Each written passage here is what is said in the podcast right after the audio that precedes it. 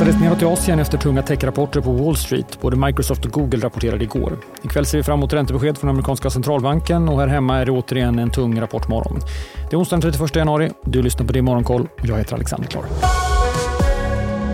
vi börjar i Asien där flera marknader fortsätter att handlas nedåt. Börserna i Fastlandskina har återhämtat sig något men är fortsatt ner knappt en halv procent vardera.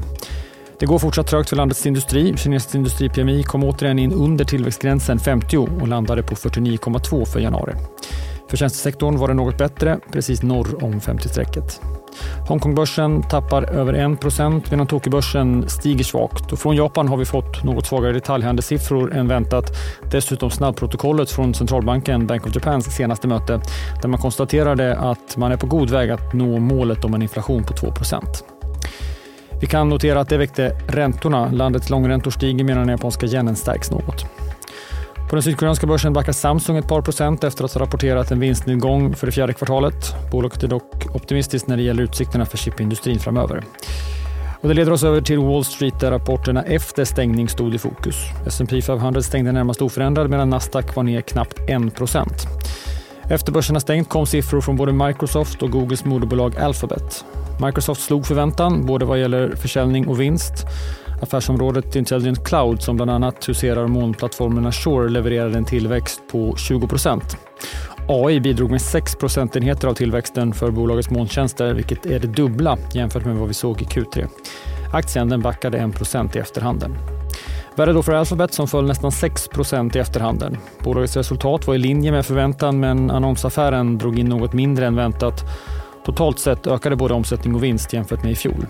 Google Cloud ökade omsättningen mer än väntat, upp 25. Bolaget gav inga skarpa prognoser men sa bland annat att man räknar med betydligt större investeringar under det kommande året.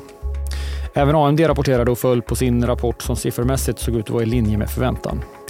Och inom techsektorn så meddelade också betaltjänsten Paypal att man ska göra sig av med 2500 anställda. Det är nästan var tionde person.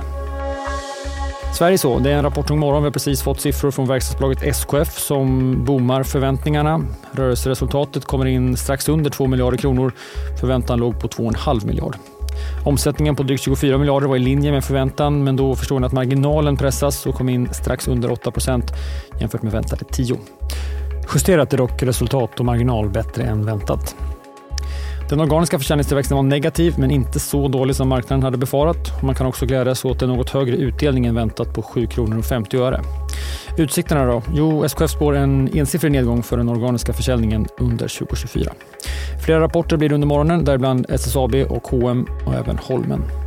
Madcap som håller på inom life science har också kommit med en rapport. Man ökade vinsten i kvartalet till drygt 100 miljoner kronor och man höjer också sina finansiella mål och säger att man ska växa ebitda-resultatet med över 15 procent årligen. Loomis kommer också med rapport senare idag. Igår meddelade bolaget att man vill återköpa aktier för 200 miljoner kronor. Senare ikväll är det makrofokus när den amerikanska centralbanken Federal Reserve väntas lämna räntan oförändrad. Beskedet kommer klockan åtta. Halv nio håller Fed-chefen Jerome Powell sitt eh, tal och marknaden kommer lyssna efter ord som kan ge en hint om centralbanken är öppen för att sänka redan vid nästa möte i mars. Just nu är marknaden kluven i frågan med en litet överhäng åt att Fed väntar ännu ett möte. Vi har ett svenskt räntebesked att ta emot imorgon torsdag och fortsatt mycket rapporter. Både här hemma, bland annat från ABB och Evolution under morgonen, men också från USA under kvällen. Indextunga Apple rapporterar bland annat. Missa inte Rapportmorgon i DTV som drar igång klockan halv åtta. Sändningen pågår sedan fram till halv tio. Åtta av morgonens rapportörer intervjuas. Flera rapporter analyseras av våra analytiker Ulf Pettersson och Mikael Olsson i studion. Och det går naturligtvis också att lyssna tillbaka på morgonens två timmars sändning. Vi släpper den som vanligt som podd senare under förmiddagen. Man kan också prenumerera på den så kommer den enklare till er. Liksom Morgonkoll som är tillbaks igen imorgon bitti. Vi hörs då. Jag heter Alexander Klar.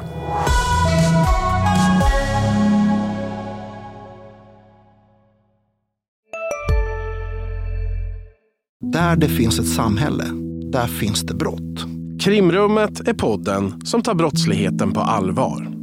Jag bjuder in landets ledande experter och tar upp aktuella rättegångsfall för att begripliggöra den kriminalitet som kryper allt närmare. Du, alltså, du kan knäcka ett eller några gäng, men det kommer komma nya och så kan vi knäcka dem sen. Men att du ska knäcka allt forever, det kommer aldrig ske. Det är infinite gain. Lyssna på Krimrummet, en podd från Expressen med mig Kim Malmgren.